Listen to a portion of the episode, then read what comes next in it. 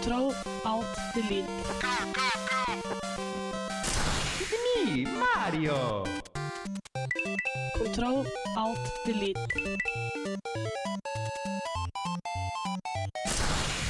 Unable to comply.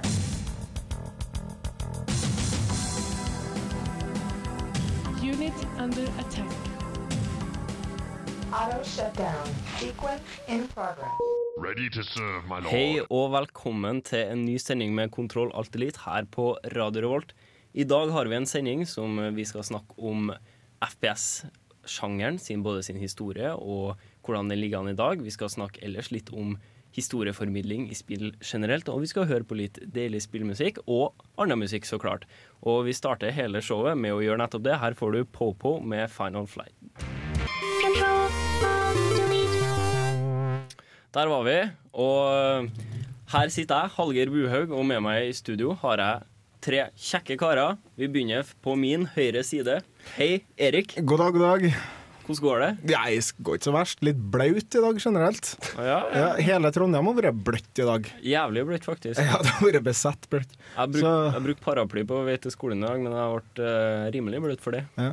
Her er sånn erketypisk gamervær, føler jeg. Uh, Du har en god unnskyldning. Det skulle kanskje blåst litt mer, vært enda litt kaldere. Men eh, det, det, er ikke noe trivelig å være ute nå. Nei, det var ingenting å gjøre ut. Og hei til deg, Bård. Hei, hei, hei. Hvordan går det? Vel, når det er bløtt ute, så har jeg en unnskyldning til å dra fram samurai-paraplyen min, så jeg er litt i godt humør av det. En samurai-paraply? Ja, jeg, håndtaket på paraplyen min er håndtaket til en katana, så jeg ser litt ekstra badass ut på bussen. Jeg blir litt bekymra når politiet drar forbi og ser litt surt på meg, men eh, jeg har i hvert fall ikke blitt angrepet enda. Hvilken film er det der det er en fyr som har et sverd i paraplyen sin? Det er Eh, opptil flere hvor i hvert fall de har det i stokken, vet jeg. Mm. Men, Pingvinen det- har definitivt Er hatt det det. League of Extraordinary Gentlemen, kanskje? kanskje, Kanskje. vår eh, supergjest, vet du. Kanskje supergjesten vår, Christian Waldervann fra Filmofil, vet nettopp det. Jeg gjør dessverre ikke det. Ja, det må- beklager å skuffe deg, men Det en dårlig introduksjon. Ja, Hvordan går det? det går bra. Det går veldig bra. Har du, har du spilt noe kult i det siste? Jeg har- Nei, jeg har egentlig ikke Jeg har sittet og spilt et DOS-spill som heter Ports of Call på skolen. Noen i pausene og sånt. Var det ikke kult? Det er kult. Det Ja, er men da har du spilt noe kult i det siste. Men ikke, ikke nytt og moderne. Det, det er lenge siden. Nei, men det er ikke et kriterium. Enn du, Bård, har du spilt noe kult? Å, ja, ja. Nå som det er mørkt ute, så drar jeg frem eh, skrekkspillet. Så jeg har tatt og nettopp runda Amnesia The Dark Descent, og det er så skummelt! Jeg er nå livredd for knehøyt vann og alt av lys og skygge. Det dummeste jeg gjorde, var å ta seg fra til en ene karen i bulag med at de spilte Amnesia. Fordi at på et tidspunkt så var jeg inne i et eller annet rom, og jeg spiller selvfølgelig i mørket og alt sånt her nå. Og eh, det var et opplyst rom, og jeg trodde at det var fred og ingen far. Jeg plutselig hører jeg brak! Det kommer et monster, du må ta og gjemme det fort. Oh, holy shit! Hvor er det skap? Der er det skap! Nå satt jeg med på kne, bare håpet på at ingen kommer. Boom! Der fikk døra meg opp, og det kom kom kompisen min som bare sånn bla, bla, bla, bla.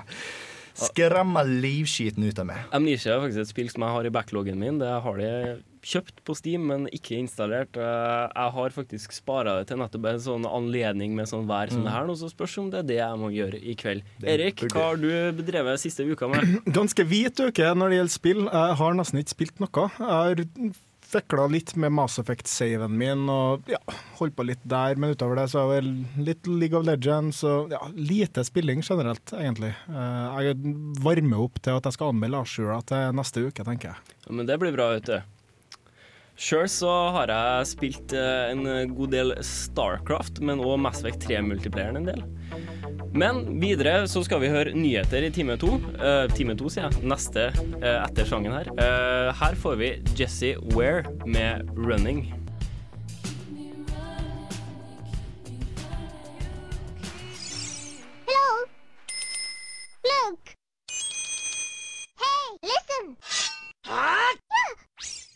Der fikk vi altså Jesse Ware med 'Running', og nå er det på tide at vi oppsummerer den eh, uka som har vært innenfor spillverden. Og Bård, du har henta litt nyheter til oss. Yes, for eh, nå snart så kommer vi til å se fruktene til samarbeidet mellom eh, Capcom og Namco med Yay! Street Fighter X Tekken og Tekken X, eh, Tekken X Street Fighter.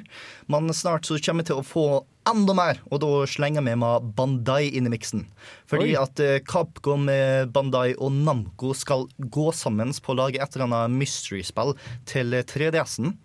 Oi. Men, yeah. men det er vel ikke første gangen Namco og Bandai Nei, har laga noe sammen akkurat da. men eh, det å ha så tre store navn her nå fra asiatisk eh, utvikling, det er stort. Så hva slags spill tror dere ta kan bli? Japansk. Relativt japansk. Eh, Namco Bandai har jo laga hva annet? Hva er Namco Bandai laga? Var ikke de som laga Castlevania Lords of Shadow? Nei, det er Konami. Ja, det er Konami. være. De har vel laget en hel med Dragon Ball Z og Naruto Ja, og alt sånt. ja, der, men de har noe bra òg, sjø. Jeg vet, ja. Jeg, jeg vet at de har laga noe som jeg har spilt, for at jeg ser for meg logoen. Det er en, det er en gul, Gul, med rød. Ja. Altså, som der den gule på en måte ligger over den røde, så du bare ser silhuett av røden bak det gule. Det er litt vanskelig å forklare. Men altså. Capcom Men eh, Jeg føler Capcom er på en hot streak for tida. Mm. Eh, Capcom lager spill på spill på spill som får gode kritikker. Mm. Eh, selv om de, du kan si at de spyr ut på en måte flere versjoner av Street Fighter og sånn der, eh, Marvel vs. Capcom og det regler der, så er Capcom på vei til å bli en av de største innenfor japansk spillutvikling, vil jeg tørre å påstå. Ikke at de Mm. Det har vært på god vei de siste ja, 25 de har- ja, årene. Ja, ja, ja. Men nå liksom They hit their stride, Mm. som det heter. Og jeg, og jeg tror at det er litt magisk å være med på Capcom akkurat nå. Ja, nei, jeg skal ikke se bort ifra at det her nå blir et eh, slåssespill, det òg. Kanskje med Ja. litt sånn uh, Super Smash-greier med folket fra Resident Evil og Street Fighter og uh, Son Guku fra eh, Dragon Ball Z. men da skulle Nintendo ha vært med i miksen, syns jeg. Ja, det har vært eh, ekstra awesome. Men vi har mer nyheter om eh, Nintendo håndholdte spill. Oi. Fordi at eh, Pokémon svart og hvit skal få oppfølgere som eh, for øyeblikket heter Svart 2 og Hvit 2. Veldig originalt, jeg vet. Men det overraskende er at de skal komme på DS-en, og ikke 3DS-en. Hæ? Ja. Så, men eh, får de nye, nye monster, da? Eh, Sånn som eh, De har vært veldig vage på det her nå så langt, men de har sagt at det er nye eventyr som skal ta og skje. Så jeg tror ikke det kommer til å få 100 nye Så, monster. så det er liksom ikke bare en port til DS? Det er en porte til 3DS-en, nei. Og eh, det er veldig dumt. Fordi at eh, svart og hvit kom ut originalt på DS-en et par ja. måneder før eh, 3DS-en kom ut. Og det er greit nok, fordi at eh, du har 150 millioner folk som eier DS-er, så da er det dumt å ikke ta og gi noe til deg. Men når Nintendo ikke tar og gir eh, 3DS-en et av de største håndholdte spillene, spill i Franchisene. Franchise! Der har vært ute til, til 3DS-en, så eh, det er noe litt feil der. nå. Det er noe råttent i Danmark. Ja. Det kan jo være programmeringsspørsmål, da, kanskje? Eller bare at de ikke har lyst til å bruke de ekstra pengene. For at jeg tror at Pokémon selger mer til vanlig DS enn de gjør til 3DS. Og det å utvikle 3D, 3D Pokémon-spill har blitt dyrere, men det har ikke gjort noe mye med, med opplevelsen, føler jeg. Ja. Nei, men De burde prøve å ta og selge mer 3DS-er istedenfor mer Ja. Pokémon-spill. egentlig. Ja, det er sant. Men det å ta utvikle spill til gamle maskiner er ser ut til å være poppis denne uka her nå, fordi at nå skal det komme et nytt Super Nintendo-spill. Mm. Super Yes. Nintendo, faktisk. Super Nintendo. Da med en cartridge, liksom? Ja, med cartridge. Den heter Nightmare Buster og er laga av eh, Eller fått ut av en Super Fighter Team, et indie-spill. Greia er at eh, ta var et spill som eh, originalt eh, skulle komme ut på Super Nintendo i 1994, men eh, utgitt av Sony. Eh, dere som kan gamehistorien, vet at i 94 så kom Sony ut med PlayStation i stedet, og ville ikke ta og støtte Nintendo. Så Klart, klart. eh, nå tar jeg egentlig bare å pushe ut et allerede ferdig spill. Eh, det koster sånn 60 dollar å ta forhåndsbestille av spilleren nå, pluss porter. Å ja. Såpass. Ja, men jeg tror vi lar det ligge til der, og så fortsetter vi med litt mer nyheter etter vi har hørt Sir Michael Rocks og med Out of the Jam.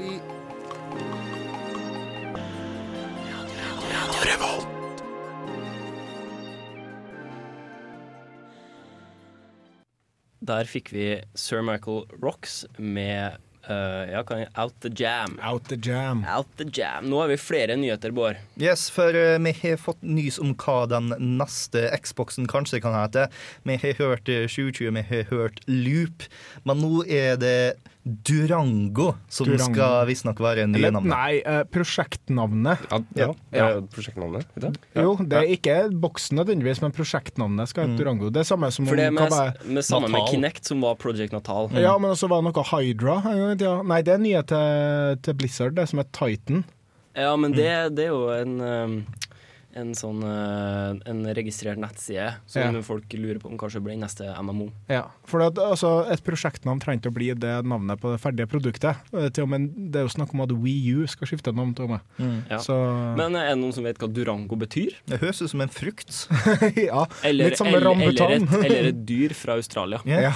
En Durango som spiser en Look rambutan. meg. Durango!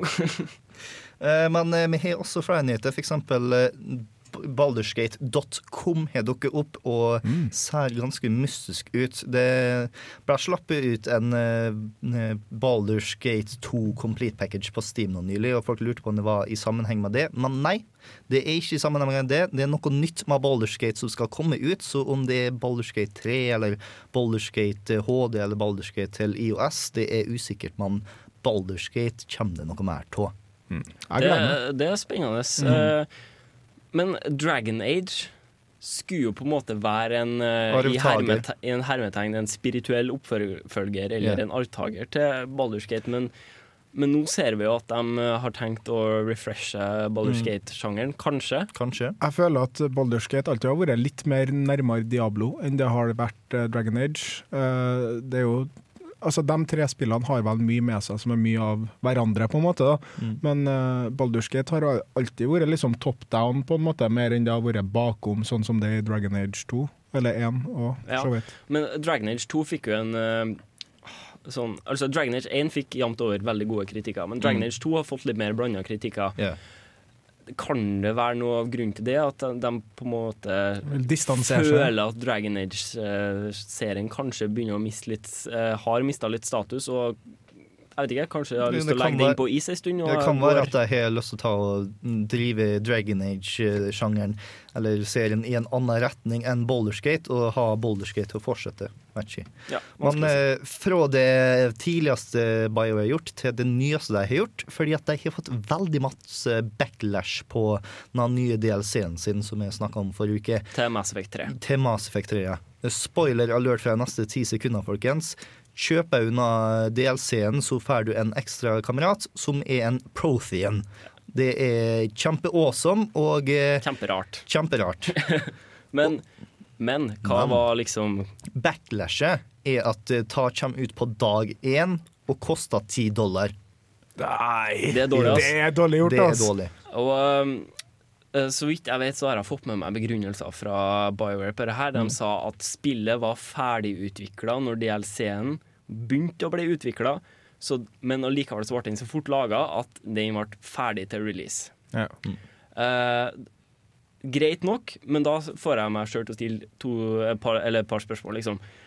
En, eh, hvis det tok så kort tid å utvikle den, kan de da forsvare en pris på 10 dollar? Nei, jeg syns ikke det. Og jeg syns heller det skulle ha vært free DLC, Så Ja. bare følger med. Hei, du fikk en bonus. Sånn som Shale var Ja. i eh, Dragon Age 2. Og, og, og nummer to, eh, jeg syns det er for min egen del skikkelig ræva at de ikke annonserte den DLC-en her, og at den kom til å være gratis for dem som kjøpte Collectors Edition, før etter jeg hadde vunnet til å preordre den vanlige edition Unnskyld, på Origin.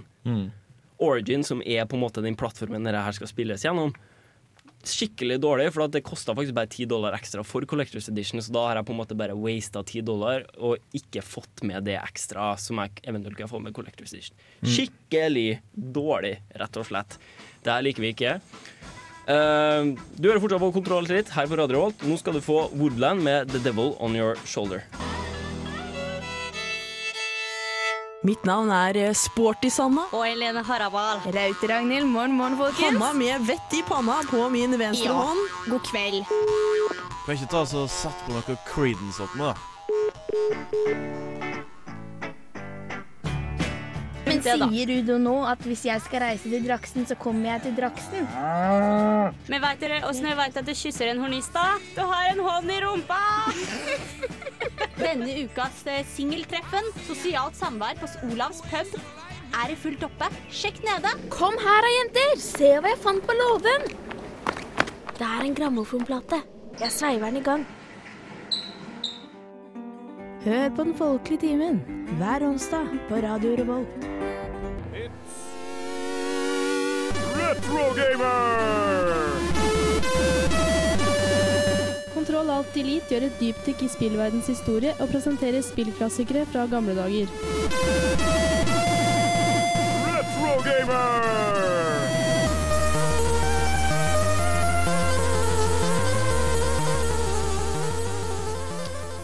Vi skal ha Retro Gamer, og den låta du akkurat fikk, var 'Disappears' med 'Replicate'. Eh, Jeg vil for øvrig nevne at den traileren vi hørte mellom de to låtene, det var trailer til Den folkelige timen, og de skal på etter oss, altså det vil si klokka åtte. Det er noe folk må få med seg. Klokka sju blir jeg vel? Klokka sju. Sorry, det var det jeg mente. Eh, bra dere arresterer meg og retter på meg.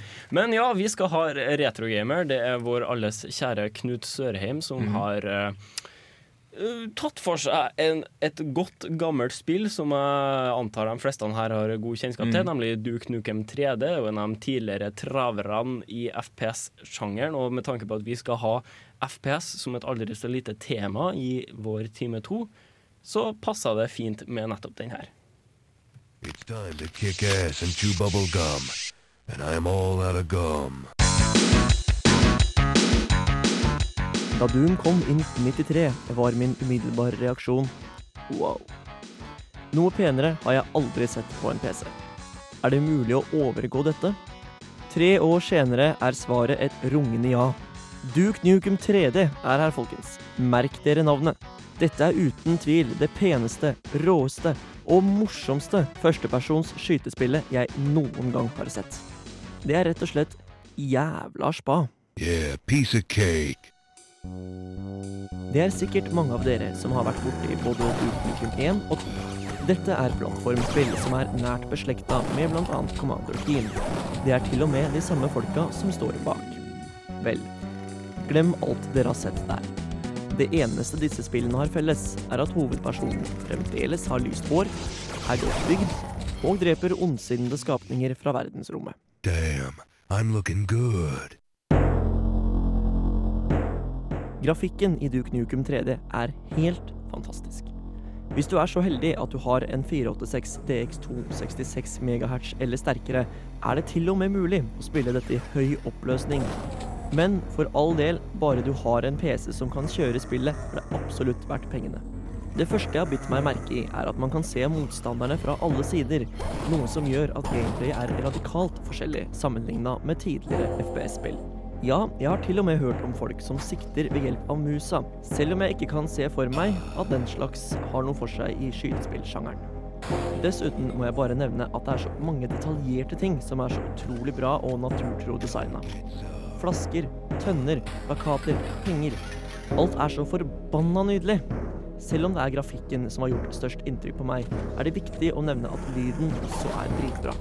Romvesenene man slåss mot, lager truende lyder, og musikksporet i spillet er rett og slett det beste jeg noen gang har hørt. Spesielt hvis du har et General Midi eller Roland MT32-kort. Shake it, baby. Men det er mer. For Duke Nukem 3D scorer ikke bare stort på grafikk og lyd. Spillopplevelsen er helt utrolig.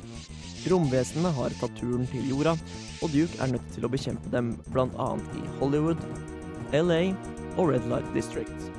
Og la oss gjøre det klart med en gang. Duke Nukem pulveriserer myten om at dataspill bare er for barn. Her renner det blod utover gulv og vegger. Duke Nukem stiller seg opp og pisser når han føler for det mens han banner så det lyser. Og hvis man er riktig heldig, får man innimellom lov til å se pupper. Duke Nukem er nemlig stinn av gryn og bruker de gladelig opp på stripperne i Red Light District. For så å sprenge dem til helvete med rørbomber etterpå. Mm, don't have time to play with myself.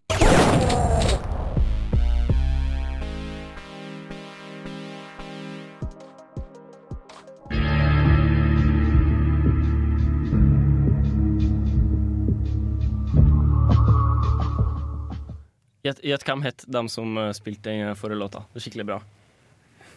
Ja, jeg vet ikke. Vi snakker vel ikke om den Valve-låta? Nei, nei, nei. Hør da, Flatbush Zombies med Thug Waffle. Yeah. skikkelig badass. Men ja, godt observert, Bård. Vi fikk eh, en eh, aldri så liten valvemelodi på slutten her. Noe som er meget eh, kontekstuelt og tematisk riktig for den sendinga vi har tenkt Og å ha. hør på den, og hør på den. Bruk Bruker store ord. ja, ja, vi leker ikke spillprogram. eh, For vi skal jo snakke om FPS-sjangeren, og der er jo definitivt Valve en av de store Players. Ah, Big cheese. Ja, definitivt. Jeg vet at eh, du Christian, du har et eh, spesielt forhold til Volv som utvikler. Ja, det, det er ikke tull engang. Hver dag så sjekker jeg ut alle de uh, spillsidene som jeg går på til vanlig, og ser etter Half-Life 3-nyheter. Selvfølgelig dukker det alle opp nå. Men ja, absolutt Valve er uten tvil min eh, favorittutvikler. Det har jo vært litt uh, i det siste da om Half-Life Det har vært 3. rykter og mye uh, trolling, som Chet Falisnik sa. Eh, han sa jo at det var communityen som trolla communityen. Det tror jeg egentlig for så vidt på. Selv om Valve også er glad i å komme med litt sånn vage hint her og der. Rævhøl. Men var det liksom Var det Half-Life-spillet som var liksom ditt definitive møte med Ja, FPS-sjangeren? absolutt. Uh, det var Ja. Uh, ikke CS. Eh, det var liksom, for det kom etterpå. Men ja, absolutt eh, Half-Life som var min Ja, jeg tror det. Min, min intro til FPS-verdenen. Ja. Eller sånn Golden Eye og sånt, men eh, Det var, det var, det var, det var, var liksom standarden som liksom. Ja, det var de som gjorde det, rett og Ja, slett. helt klart. En annen som har noen sånne tidlige minner om eh, FPS-er, og liksom sånn hvordan de har eh, ja, slett hvordan de har forma utviklinga av det, deres eh, spillpersonlighet? Uh. Alle har nå spilt en god del Golden Eye, men overraskende nok så er ikke det det James Bond spiller på Nintendo 64 spilte mest. Jeg spilte egentlig mer The World Is Not Enough, overraskende nok. Eh, Jeg trodde at det var utvikla av eh, Rare. Det er egentlig ikke det, men jeg har veldig masse artig med eh, split screen eh, multiplayer allikevel på det spillet. Du, jeg tror faktisk jeg prøvde. Er det en sekvens der der du går på ski?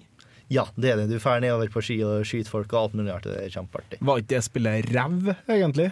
Jeg var sånn tolv år når jeg spilte, så alle spill jeg spilte, var awesome. Ah, ja, ok. Ja. Nei, uh, sjøl så var jeg såpass ung at jeg fikk med meg både Doom og Castle, Wolfenstein på, eh, på PC.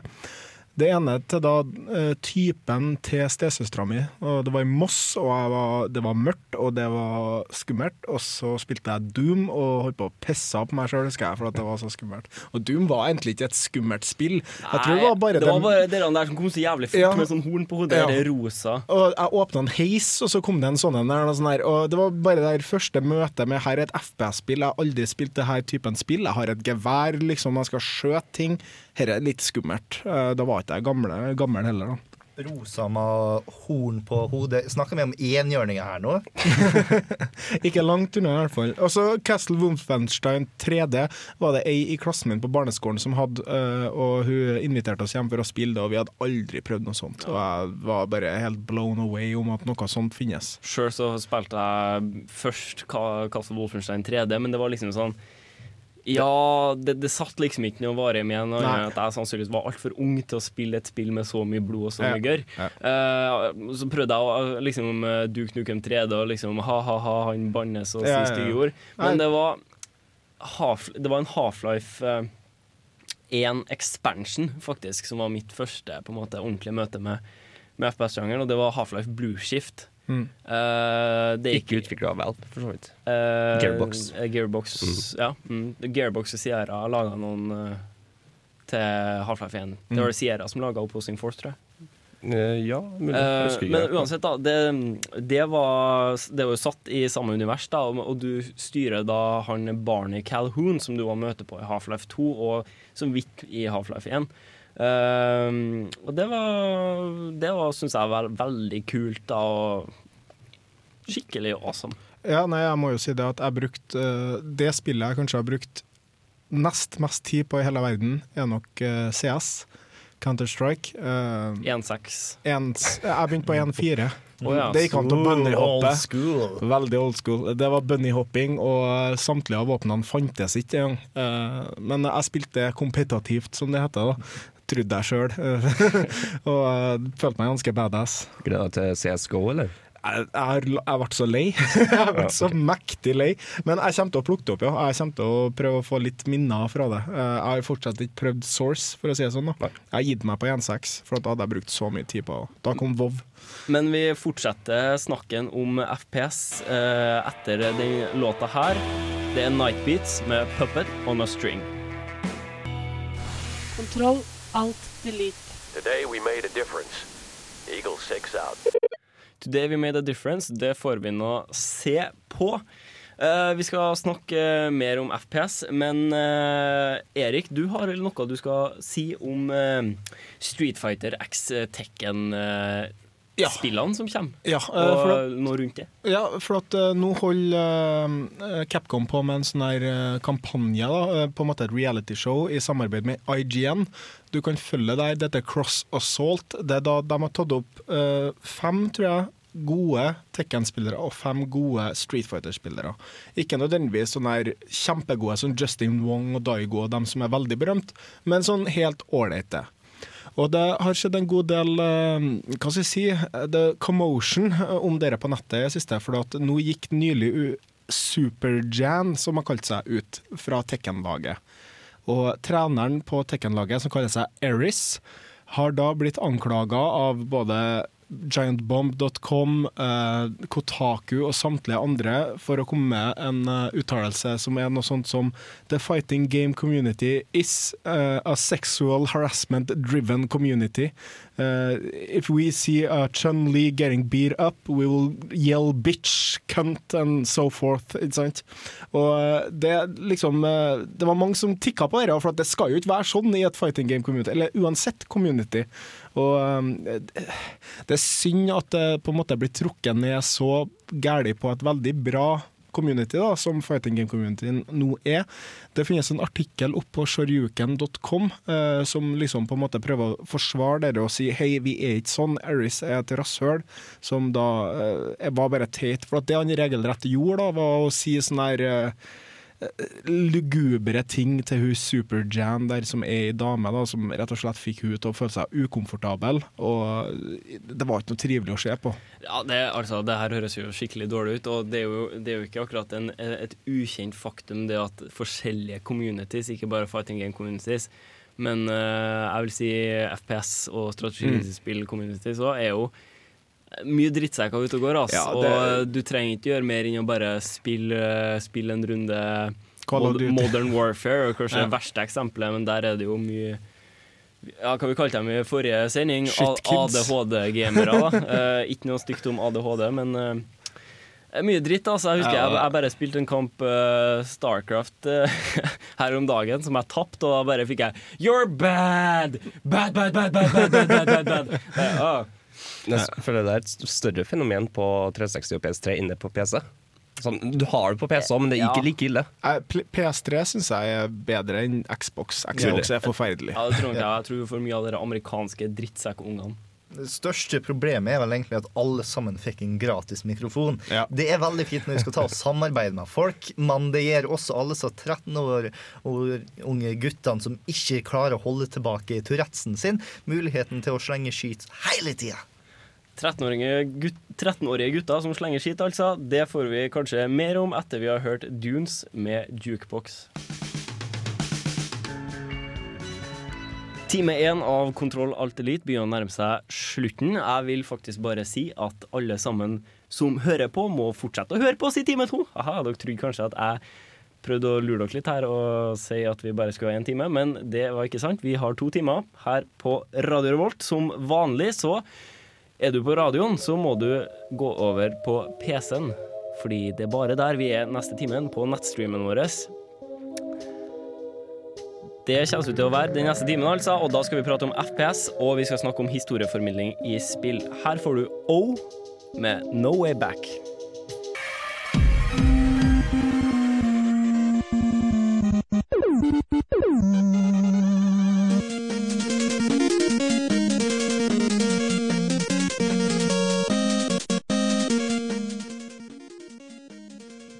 Der var vi tilbake. Kontroll Alt Elite på Radio Revolt. Vi er i time to.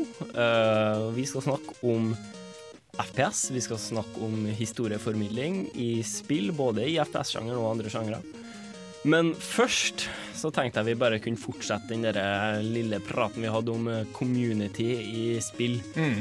Um, er de så fæle som vi skal ha det, ha det til? Ja, altså, jeg husker jo sjøl, jeg spilte jo CS eh, relativt aktivt, som jeg sa. Og det er jo mye av den kulturen som ble skapt der, ble jo ført videre til det som nå kan betegnes som modern warfare-kulturen og FPS-kulturen som finnes nå på mange måter, med det der teabagging og sånne ting. Um, men det jeg tenkte på det med fighting game-communityen, er jo det at øh, det er en ganske liten community etter uh, dags standard, si Starcraft, Battlefield, uh, Modern Warfare og sånne ting. Og det er like mye flaming, for å kalle det, da, i den communityen som andre. Det var dessverre synd at når først uh, fighting game-communityen fikk spotlightet på seg, som de fikk uh, gjennom det der reality-showet som går nå på IGN, da, så var det en dust som klarte å få ei jente til å føle seg relativt ille, liksom. Uh, han zooma Det var jo sånn stream-greie, det var aktivt hele tida. Åtte timer om dagen sendte dem fra det rommet i Capcom som de var i. Og han begynte å zoome inn på lårene hennes og fikk henne til å stå opp og vise dem rumpa og sånne ting. Liksom, det var så utrolig uprofesjonelt, og det var barnslig, rett og slett. Men uh, nå skal ikke jeg prøve meg på noe spesiell uh, altså, Nå skal ikke jeg prøve meg på noe som jeg ikke er fagmann på, men det her Det var på Capcom sine kontor, sa du? Og det er jo i Japan. Nei, eh, det var i eh, USA. Oh, ja, for jeg tenker, jeg, jeg tenker Det var bare at jeg tenkte at eh, Japan har vel kanskje en litt dårligere kvinne... Ja, men det, det der var en av de der trainersen til lagene. Da. Det fantes en trainer på Street Fighter sitt lag. Han heter Alex Valle. Han er en veldig kjent sånn traver innen sporten. Han andre het Eris, og han var på Team Tekken. Ja, ok. Og han er kjent eh, kommentator, har også ei side som heter avoidingthepuddle.com, som er en ganske bra side. Han har en veldig spesiell væremåte, og så klarte han rett og slett å bare drite så betraktelig på leggen som han gjorde. Jeg, vet ikke Kvinnediskriminering eh, Er det et fenomen som på en måte er kjent innen gaming? For jeg føler kanskje Ja, altså- hvis, det, hvis, hvis noe, så burde jo gamere prøve å inkludere kvinner mer, for det er jo kanskje ikke så fryktelig mange kvinnelige gamere i utgangspunktet. Så. Nei, men det som var tatt opp da også, var jo det at uh, dere ordbruken uh, I will rape you. Altså bare Det er jo egentlig ganske grotesk når du tenker over det, men det er noe som kan bli brukt i en sånn setting, for at det er på en måte normalisert å si Mm. så stygge ting. Da. Eh, og det var jo det som også var tatt fram etter han kom med det der eh, uttalelsen om at eh, kjønnsdiskriminering finnes som en del, en integrert del av det communityet. Så altså, bare det med å kalle noen gay på internett Gay og faggot, nigger og alt sånt Ja. der. Det. det, det, det, det, det er visst greit, tydeligvis. Vi har på oss internetthatten vår, så derfor er det OK. Jeg leste faktisk en eh, Nå var mikrofonen litt dårlig her nå. Skal vi se, der. Eh, Jeg leste faktisk en artikkel som var veldig relevant til her nå, nå nylig. Eh, Det var en kar som heter Dr. Nerdlove, som skrev om male privilege in nerdom, eller noe sånt som det er nå. Som handler om hvordan kvinnfolk har en veldig høy terskel å gå for å ta, bli inkludert i eh, nerdedommen. Det basically, skal du bli inkludert, så må du være fin og gjøre cosplay. Da blir du inkludert. Er du stygg og gjør cosplay, da nei, ikke i hele tatt. Og det er veldig masse drittslenginger og forventninger av at eh, hvis du skal varme, så må du ta og tåle steken, som vi egentlig ikke tar og gjør til mannfolk heller. Og så tror jeg dessuten at du ser at uh, den seksualiseringa rundt de kvinnene som faktisk er gamere, som du ser uh, Felicia Day, Mm. for eksempel, eh, hun har noen videoer på YouTube, og jeg så blant annet eh, hva, hva heter de videoene, da? Men de, de, altså, Would you date my avatar? ja, altså det er sånn veldig sånn, hva si, seksuelle titler mm. sånn Mm. på, på videoene hennes. Og du ser da, jo mer skitten og tvetydig den titlene på en måte er, jo flere views har du. Det, det var sånn veldig lett å se. Jeg så det bare i thumbnailene, Ja, ja, men se på han eh, nå ganske kjent Athene Wins. Eh, om noen husker han. Han var the greatest paladin in the world, eh, level 70. Altså, han, han holdt på veldig mye på Vov eh, i den tida eh, i Vanilla. da. Og han hadde ei sånn dame da, som alltid var med og viste fra. Altså, hun sa noe sånt som hvis dere ser på videoene, så trekker de ut en gratis blowjob eller et eller annet sånt. Det var helt drøyt. Men han har jo den streamen nå og kjempepopulær uten at han faktisk spiller på det sexy appealet til hun dama. Men altså, selvfølgelig ble det gjort bevisst. Eh, Det er bare sånn det fungerer på intrawebsen. Nei, men jeg tror vi lar den eh, ligge død inntil videre. Eh, Jeg tror vi kan bare enes om at uh, spill-communities er ikke nødvendigvis de aller beste og mest oppdragende. Ja, Jeg legger ut denne artikkelen eh, til Dr. Nerdlove på Facebook-sida vår. Radio Revolt presenterer Kontroll Alt Elite. Jeg gjør det samme om Sharyuken og Kotaku sine. Gjør det. Nå skal vi høre litt eh, spillmusikk. Eh, vi skal jo snakke om FPS, så tenkte jeg det var meget passende at vi fikk en Golden Eye 007-låt. We are going to have to act if we want to live in a different world. Affirmative. Kontroll, alt, delete gir deg musikk for gamere. Initializing now. Kontroll, alt.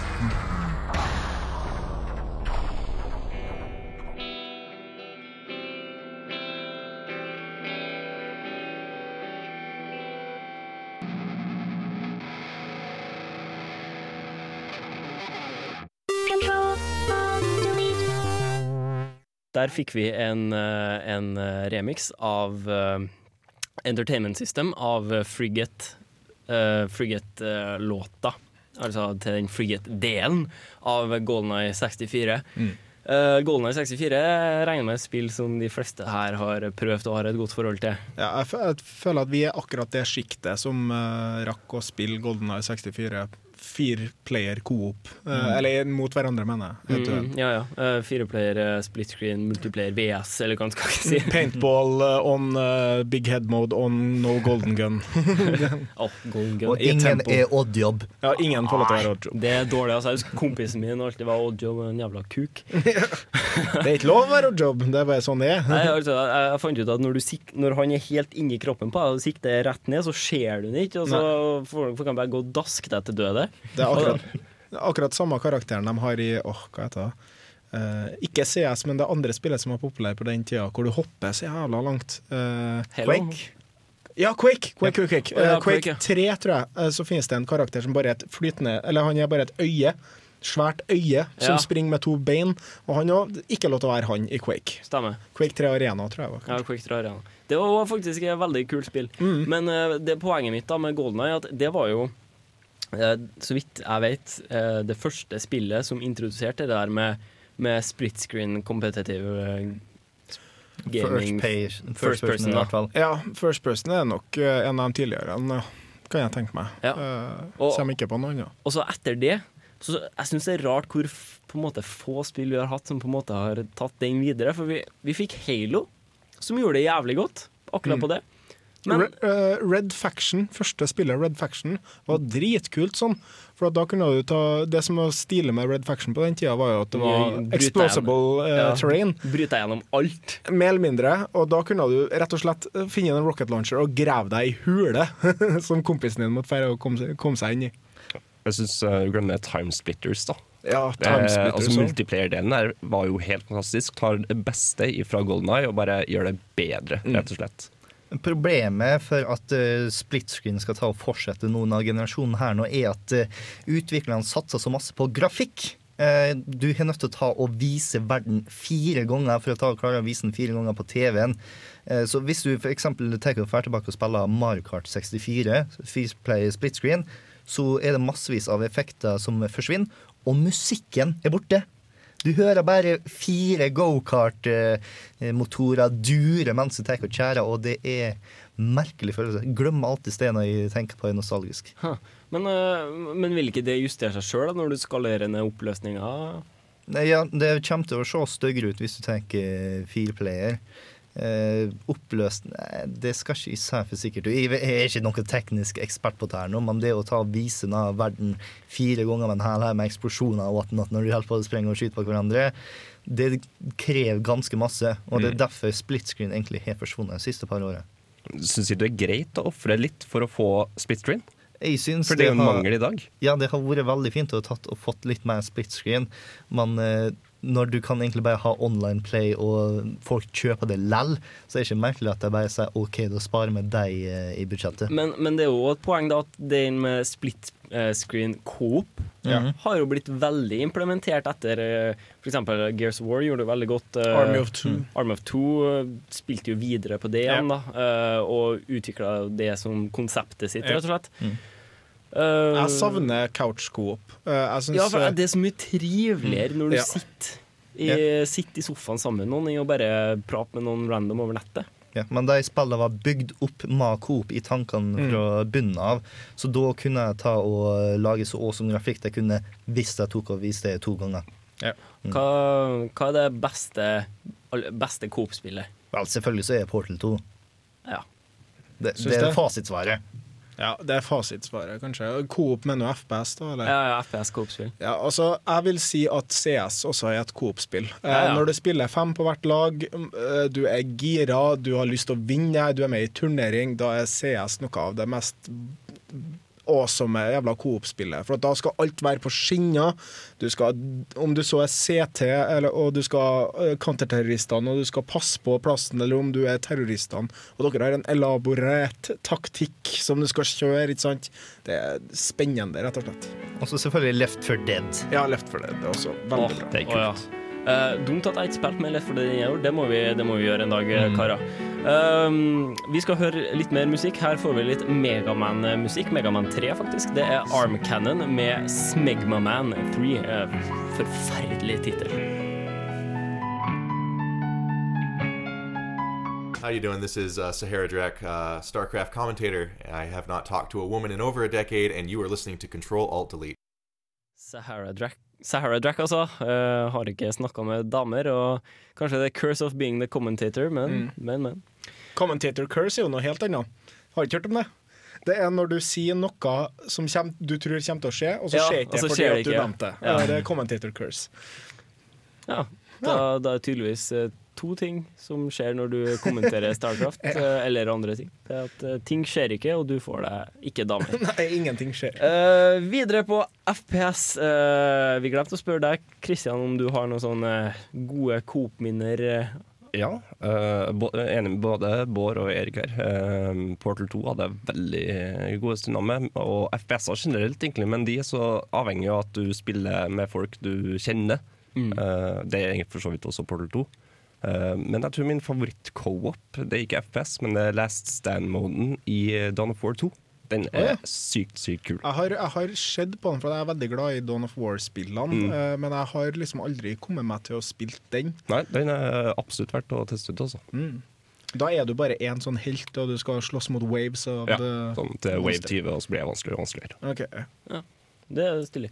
Um, jeg hadde òg faktisk en, en, en god Coop-opplevelse i, i dere Special Ops-delen til Modern Warfare 2. Mm. Uh, jeg er veldig glad i sånn, uh, sånn type gameplay, da, der du er uh, to-tre stykker og, og skal liksom gjøre et vanskelig oppdrag, da, og så er det liksom sånn Klarer du ikke? Synd på deg, da begynner du på nytt, liksom. Uh, sånn ja, Du skal ikke ha noe quick saves og sånt i en Coop, ass. Du, Det er også- du, du skal ha revives, men ikke quick saves. Det er litt irriterende òg. Jeg har sittet og spilt en del coop co-op i BF3. Og du, så når du havner med sånn random folk, så fucker de opp, og så må du begynne- begynne helt på nytt. Det er jævlig surt. Ja. Men Men eh, apropos Battlefield 3, apropos Modern Warfare 3 eh, Og så dra, drar vi litt fra Coop, og så går vi over på noe annet. FPS-sjangeren. Er den blitt utsatt for en veldig kommersialisering de siste årene? For at vi ser på de tidlige FPS-ene. Det var stor kvalitet, og det var langt mellom hver. og Du har liksom de Mm. gamle traverne id Software som kom med Doom og Wolfenstein og alt det der.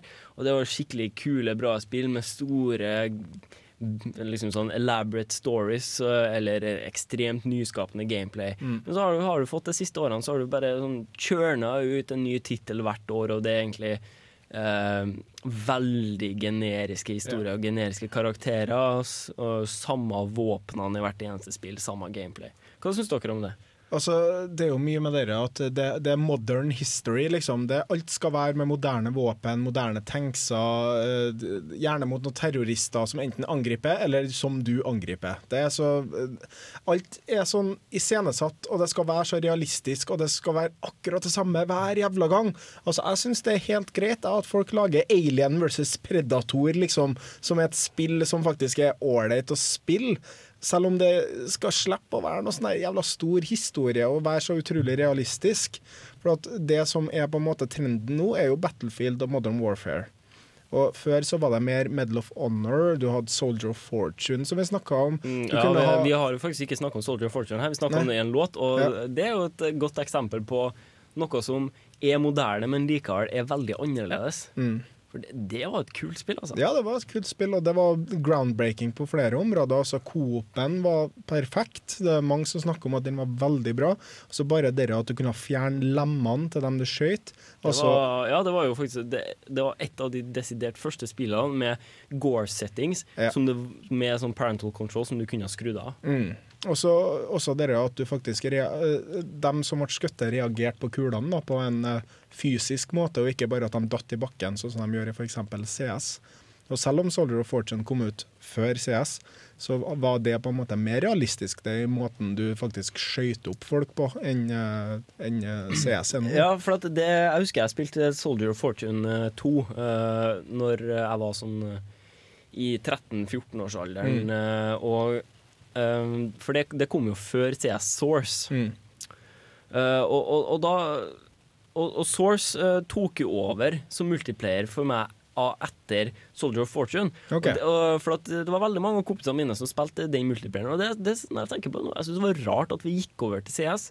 Fordi. Soldier of Fortune-multiplayeren var jo mye artigere. Ja. Nei, men CS fikk jo en sånn stor på en måte popularitetsboom en plass. Alle spilte CS. Alle spilte CS. Jeg kjenner folk som har hoppa over skolen for å ha spilt CS, og jeg kjenner folk som faktisk kom seg ganske langt i det communityen, eller det kompetative miljøet der. Da. Jeg føler at bortsett fra Starcraft, så er CS som var den store kompetative gaminga på den tida, i hvert fall. Ja, Starcraft, Warcraft, enda CS. Ja, og er, enda. Garantert finnes det mange plasser de spiller om Big Bucks CS, rett og slett. da. 1-6. Men eh, hvis vi skal ta gå tilbake til originalspørsmålet, som var har FPS blitt kommersielt, så vil jeg påstå at uh, FPS-en i denne generasjonen har tatt på seg den samme rollen som det plattformeren har på 90-tallet. Hvor eh, skulle du lage et spill, så var det en plattform. Det var en Mario rip-off.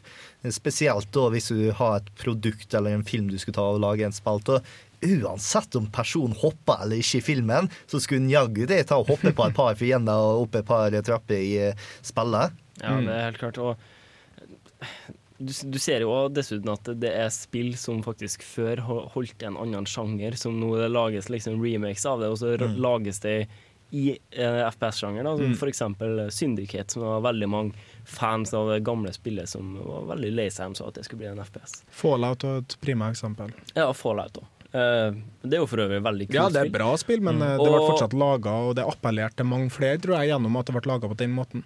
Og FPS-en, eh, det som er litt Nei, eh, Fallout 3, det som er litt interessant med det, at det, det er jo et godt eksempel på noe vi skal snakke om senere nå, om et spill et spill som eh, en FPS som har en god historieformidling. Og vi skal snakke om historieformidling i spill, og blant annet FPS. Her får du Big Giant Circles med en eh, Super Metroid OC-remix. Den heter The Bounty of a Brain.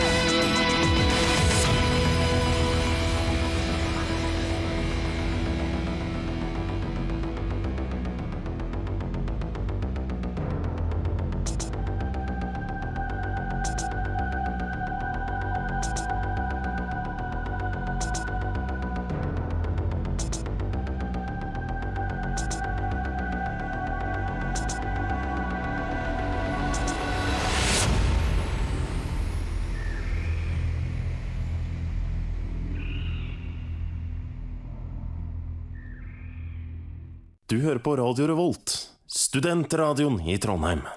Det stemmer, du hører på Radio Revolt og på Kontroll Alt Elite i time to. Eh, jeg må bare for øvrig si at eh, når det kommer til spillmusikk, den uh, intromusikken til Super Metroid eh, Ikonisk. den, eh, ikke, ikke altså sånn selve introen der eh, Samus kommer, Mm. men den der når den, eh, det er på laboratoriet der. Åh, en av de mest freaky spillmusikkene ever. Men eh, det er ikke musikk vi skal snakke om, vi skal snakke om historie og, i spillet. Og nå skal jeg bare stille et spørsmål.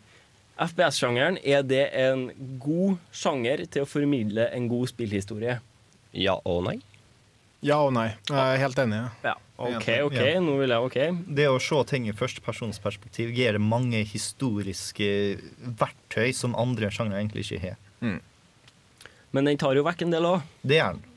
Den, eh, den tar jo vekk mye interaktivitet, spesielt Nei, nei vent litt. Eh, Det motsatte. Den tar vekk mye av den eh, Altså i- Du blir karakteren Ja, altså Protagonisten vil kunne i mindre grad eh, delta i historien fra et eh, Fra Guds perspektiv, for å eh, det. Ja, altså sånn Du ser ikke i så stor grad hva protagonisten gjør, og du hører ikke så mye hva han gjør. Mm. Du opplever det. Du er basically protagonisten i stedet for å ta og se Nathan Drake ta og Jeg har aldri, redde dagen. spilt, jeg har aldri spilt et spill, eh, et FPS, der jeg ikke var hovedperson.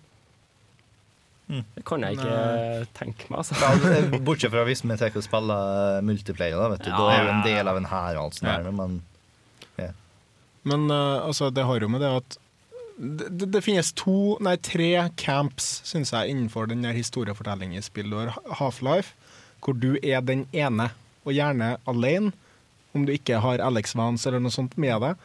Og da er du stum og mot. Og du liksom Det er en historie som er laga for deg. Opplev den. Ja, men bare la Half-Life ja. ligge, for den har jeg tenkt å snakke om etterpå. Men eh, Ja, videre. videre. Fallout, hvor det er Lag ditt eget. Lag din egen historie. Du kan følge vår, men du kan også bare fære å være en eh, wanderer in the wastelands, liksom. Og så har du den tredje en, som er på en måte funneling uh, modern, Modern warfare. Warfare, eh, hvor du Ramirez, get to that tower! Liksom. så spring, spring, spring, spring, spring. Eh, ta et helikopter, drar til en ny plass og spring litt mer der. Og så skyter du «Å, noe atombombe! Actionscene! Michael Bay har ereksjon! ja, ikke sant? Og eh, det er liksom de tre campsene jeg tenker på. da. Og i eksempel den Fallout-campet så kommer jo også det der um, Borderlands og sånne typer spill, hvor du også kan gjøre litt mer og ha større frihet. da. Altså, ja, og der har du gjerne en del sånn interaktivitet i forhold til at du kan bestemme Mm. mye. Altså, Mm. du kan gjerne bestemme hva karakteren din skal si, og Ja. eh, hvilke oppdrag han skal gjøre. Skal han være snill, skal han være slem, Mm. osv. Men eh, som sagt, jeg, jeg har lyst til å diskutere Half-Life litt, for det jeg blir, hver gang jeg tenker over det, så blir jeg veldig imponert over Half-Life som historieformidler. For der har du et spill som klarer å formidle en stemning, en historie og et karaktergalleri uten at man nesten har Altså, man har Er det så mye som ti dialoger i spillet? Man har ikke en eneste cutscene. Hele spillet foregår som en sammenhengende Mm. historie. Mm. Og du har en, en hovedkarakter som ikke sier en dritt. Ja. Det er imponerende. Det er veldig imponerende. Og likevel så er det ingen som, når de er ferdig med å spille spillet sitt, og lurer hva var det her egentlig handla om. Nei, altså, det var, vi, vi fikk jo en sånn retro på Half-Life her. eh, Forrige sending var Håkon Berg-Mathisen. Ja, to- to, to uker sendinger siden. Hvor eh, han eh, nesten overbeviste meg om at det var verdens beste spill. Jeg, jeg skal ikke si hva jeg syns er, og jeg har egentlig ingen formening om hva som er verdens beste spill, for at jeg føler at det er sjangerbestemt. Men uh, Half-Life er en av verdens beste spill, uten tvil. Fordi at det er klart å formidle en så god historie uten, at, ja, uten å si noe. Eh, du, du følte deg så på en måte oppslukt av det universet at eh, du hadde bare lyst til å spille videre. Mm. Eh, men hvis, hvis vi går vekk fra FPS-sjangeren nå, hvilke andre sjangre er det som, som egner seg meget godt til en god historiefortelling? Og altså, mitt eh, på en måte førstevalg er der tredjepersonsskyteren. Ja. Mm. Og RPG-sjangeren òg, som basically der du ser personen person utenfra, og ikke fra dine egne øyne, men du gjør massevis av action med den personen. Ja, og der eh, vil jeg også si at Mass Effect er nok det beste eksempelet på den geniale historiefortellinga. Uh, vi skal snakke videre om eh, andre sjangre og historieformidling. Uh, etter vi har hørt Entertainment System sin remix av F-Zero. you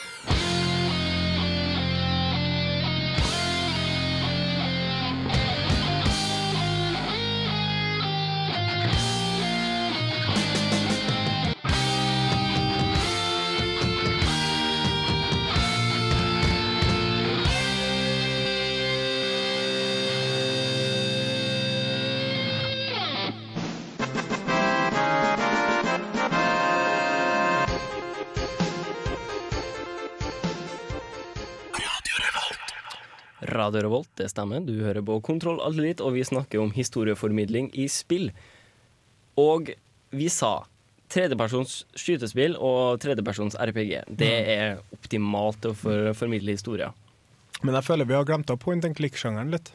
Ja, det er sant. Det er et meget godt poeng. Fordi at den òg klarer å formidle en god historie. eh, Men da er det jo ofte Men- tekst, og altså, det er jo historien som er spillet. Og, det, Eh, og dessuten så tror jeg at mye av grunnen til at vi sier det, det er for at de point and click-spillene vi tenker på, er i, for seg sjøl òg ekstremt gode spill, laga av geniale uh, Forfattere. spillutviklere. Ja, for at bare man ser på den kanskje litt mindre kjente Broken Sword-serien.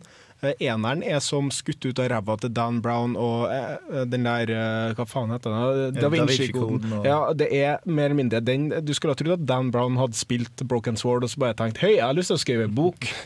Eh, For at så Nå fikk jeg lyst til å spille Broken Sword. jeg. ja, okay, men gjør det. Eh, Alle tre første, nei i hvert fall to første, er steinbra. Dritbra person. Er det, er det Lucas Art? Nei, eh, det er um, Sierra? Å, Nei, eh, det er ikke heller Det er ikke Psygnosis. Jeg er ikke sikker. Eh, Litt ukjent i hvert fall, men svært bra spill. Og ja, verdt å spille hvis du liker point and click. Mm. Uh, men altså Det er en annen sjanger òg som jeg faktisk kom til å tenke på. Og det er en sjanger man virkelig ikke skulle trodd egna seg godt til historieformidling. Men det er strategispillene. Ja. Og da altså tenker jeg jo Warcraft. først og fremst på Blizzard, da, Ja, i, i ja. form av Warcraft og Starcraft-spillene. Mm. Men også uh, Westwood og nå EAs inne Command and Conquer-spill. Veldig gode historier. og men det med Blizzard-spillene, at der har du de hero-unitene som sier ting, men det er ikke alle brettene du har det på, heller. det er faktisk ytterst få. Og jeg vet ikke hva som gjør dem så bra, men jeg lurer på om det er kanskje det mye av er- samme grunnen som er til tredjepersons skytespillene, at du distanserer deg fra hovedpersonene. Ja. Du Og opplever en historie. Du opplever historien, og spiller bare baser, altså, Du spiller bare rundt historien. Ikke sant? Ja. Men eh, det, når vi først snakker om Blizzard altså Blizzard alene er jo kjempeflink til å fortelle historier. Og bare se på Starcraft 2 sin campaign nå, og Warcraft 3. Da syns jeg også at vi kan dette innom MMO-ene. eh, for det er mange MMO-er som også klarer å videreformidle en historie om den verdenen du er i, som i hvert fall gir meg en større insentiv da, for å spille spillet. Eh, jeg var veldig spent til å se hva som skjedde i WoW videre når jeg spilte det spillet. Hvorfor skjedde Cataclysm, hvorfor kom Arthus? Alt det der Men- var men- jo veldig spennende. Men da vil jeg påstå at mye av den historieformidlinga du får i de, i de MMO-RPG-ene, er det må du finne ut av sjøl. Ja. Det kommer rundt spillet. Det er sånn Ja. som du må tråle wiki-sida sånn for å Ja. faktisk finne ut. Men så har du de store questene, da. Ja, men, men, ting- får liksom men du, har, du mangler main questa. Ja, det gjør du. Uh, og, og liksom sånn Og så mangler du den der uh, konklusjonfølelsen. Mm. Sant? Når du Første gang du banka opp Ragnaros, liksom. Ja. Ja, OK. Ja, han var jo ikke noen Quest med en gang, det var bare en sånn her lavakjempe som var under jorda. Altså, ja, ikke sant? Det, uh, jeg tror faktisk det, han kommer fra Warcraft 1. Å ja. Det visste ikke jeg. Jeg vet at han var en av the old gods, liksom, men utover det så vet jeg ikke. Eh, Ja, altså, jeg tror han kommer fra Warcraft 1. Jeg har, jeg har lest noe i den duren på Wiki. Men så har vi jo Star Wars The Old Republic. Da. Nå skulle vi ha Thor her, men han Ja. er dessverre sjuk. Ja. Men der, der er det jo basert veldig på en mainquest, som jeg har forstått. Mm. Eh, Du går visst gjennom eh, Du tar til og med valg i en MMO, og det er jo nesten uhørt. I hvert fall ikke i WoW så tok du ikke noe mye annet valg enn hvordan loot du ville ha på slutten av questen, liksom. Eh, Men eh, der kan du tydeligvis gå liksom Paragon eller eh, hva heter det? Renegade. Renegade, ja. Her er det mer snakk om dark side, light side. Ja, ja, ja. Men det er jo mye den samme. Det er liksom det karmasystemet som finnes i nesten alle spill. Enten så dreper du en haug med unger, eller så gir du dem foreldre, eller whatever. Men jeg vil påstå at de beste spillene som forteller en historie, det, de er ikke nødvendigvis pga. sjangeren de er i, men måten de tar og bruker gameplayet på å ta og få fram historien. Uh, Half-Life er selvfølgelig bra der når at du er førsteperson og alene, og alt sammen blir gjort av du. Og eh, Amnesia fortalte historien sin fantastisk bra, fordi at du så det i førstepersonsperspektiv. Du har ikke noen mulighet til å angripe for alt i verden. Du visste ikke hva som skjer. Eh, Du, som tittelen hinter til, du har amnesia, du vet ikke hva som skjedde før. Og du finner tak i eh, dagboka fra tidligere og finner ut hva som skjedde. Og du, alt sammen er bare crazy. Og siden du ikke har en avatar, en person du ser som du er redd for, så er du redd for din egen sikkerhet. Når det kom et monster på skjermen, så var jeg aldri redd for at personen i spaltet skulle dø. Jeg var redd for at jeg skulle dø. Ja.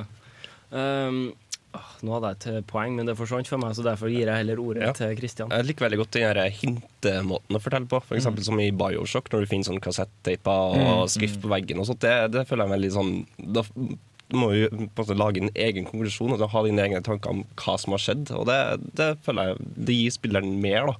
Enn Mm. å bare få liksom alt på et sølvfat. Ja, sånn som altså Braid er jo kjent for det. Det er en veldig god historie, men du får sånn wall of text, wall of text, wall of text. En verden. Wall of text, wall of text, wall of text. Mens i f.eks. Uh, Portal 1, da, når du først begynte å finne de hemmelige plassene hvor det var noen som har tegna på veggen 'The cake is a lie' og 'Help me get out of here' og alt det der, det gir deg en sånn følelse av både det å oppdage noe og det å finne ut at du er, du er faktisk Du har ikke lyst til å være her som et test subject. Eh, Du, du var, er mest sannsynlig Ja, fanga. Ja, for det, det starta faktisk litt sånn med at ja, Ja, det her virker litt greit og artig, ja, og så ble det litt sånn øh, Ja, det er noe som ikke stemmer. too. Yes, uh, men vi skal, vi skal gå videre, og vi skal høre en låt til. Det er en låt av Team Nekokan, og vi har eh, spilt den før, men jeg blir aldri lei av den her. Det er Airman Ga Thousand Eye, Airman Will Not Die.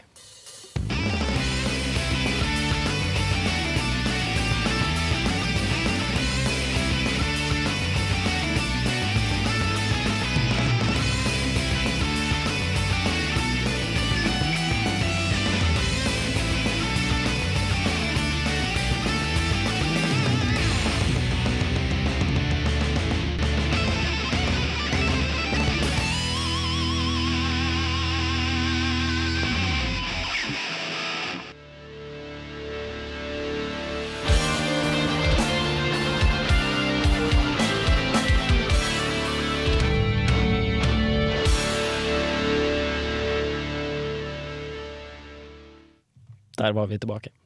Uh, nå er vi snart ferdig, klokka er ti på sju, men vi er ikke helt ferdig. Bård, du, eh, i en mailtråd vi hadde Mm. her eh, nå nettopp, så, så prata du og Jan Jens Erik Waaler fra Filmofil litt om David Jaffe, han karen som har lagd God of War og nå holder på med Twisted Metal. Twisted Metal-serien vet som snart kommer ut. Han sa at historie hemmer utviklinga til dataspill. Det får selvfølgelig veldig mange til å rynke litt sånn på nesen når du hører bare sånn som det er nå. Men når vi går inn i detaljene, så mener han sånn historie blir fortalt i dag. Fordi at uh, spill tar og hermer veldig masse etter uh, fortellermåten film har. De tar og ser på film, film tar og forteller på den måten, og da forteller vi òg på den måten der nå. Og hvis vi fortsetter på den måten der nå, så er jeg ganske enig med Jaffe egentlig, at vi kommer til å bomme. Vet du hva som er min påstand?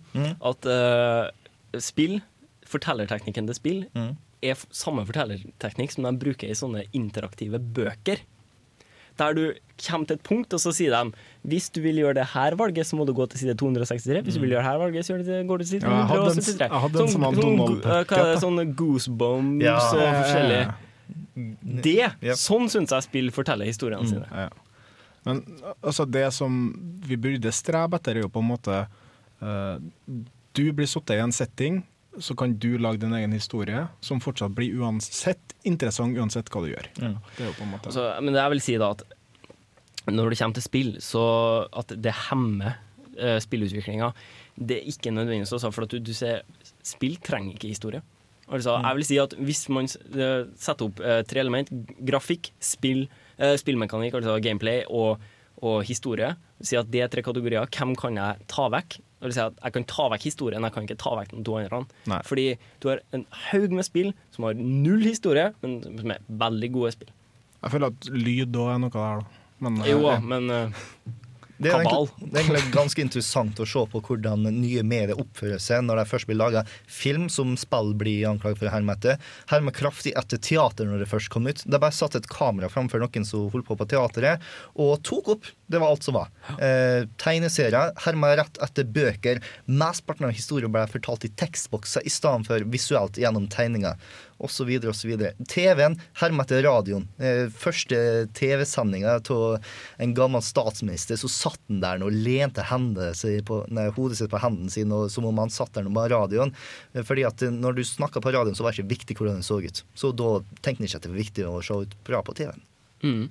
Det er jo veldig begrensa, ser jeg for meg, altså antall måter man kan eh, få fram en historie på. Så gjør det ved cutscenes, eller så gjør det ved et førstepersons view, eller så gjør det ved tekst. Altså, hvor mange valg har det man det er liksom handling.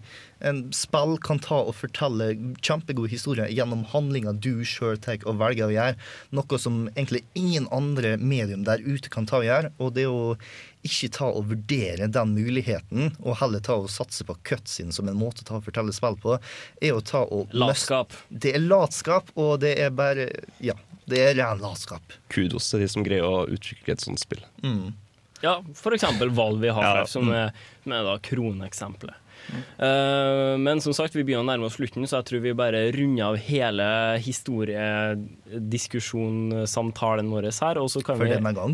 For denne gang. Det Mm. blir sikkert ikke siste gang. Og så syns jeg heller at du, Bård, skal fortelle hva er det vi har å vente av Kontroll litt neste uke. Yes, Neste uke så har vi sending den 7. mars, så vi tar og begynner tidlig på 8. mars-feiringa. Ikke fordi at Mass Effect 3 kommer ut, men fordi at det er kvinnedagen. Ja, men det er 9. mars det kommer ut. Uh, Nei, det er 8. mars. 9. Kanskje i rota, men i meg Ja. det Men kvinnedagen, da? det er kvinnedagen, og vi skal ha Rett skal være rett! Vi skal ha topp ti eh, kvinnelige spillkarakterer som vi skal ta og kåre. Og vi er også litt nysgjerrig på hva du synes. Hvem er den kuleste kvinnelige karakteren? Eh, Så ta og send inn mail til nerd1radiorevolt.no. Kanskje til og med du kan få en liten premie for å være vokal om dine kvinnelige preferanser. Åh, det, men det er så syk Kate Archer som kommer til å vinne. Alex Vance. Hun er den kuleste i verden. Tifa Lockhart, yay! Ja, Nei, men eh, altså, hør neste sending av Kontroll Alt litt, der vi tar opp nettopp det. Du får også en anmeldelse av Ashuras Wrath! Bandit litt mandig der nå, Ja, blant ja. alle feminine. Yeah. Uh, men eh, Kontroll Alt litt, vi er ferdige for denne gangen. Eh, vi runder av hele sendinga med en uh, låt. Det er Dannemann og Silver Knekt, jeg tror de er dansk, eh, som har laga en OC-remix av eh, Vampire Killer i Castlevania. Den heter Vampire Spanker. Så vi sier ha det for denne gangen, og så, så høres vi neste uke. Ha det! Ha det! Hei.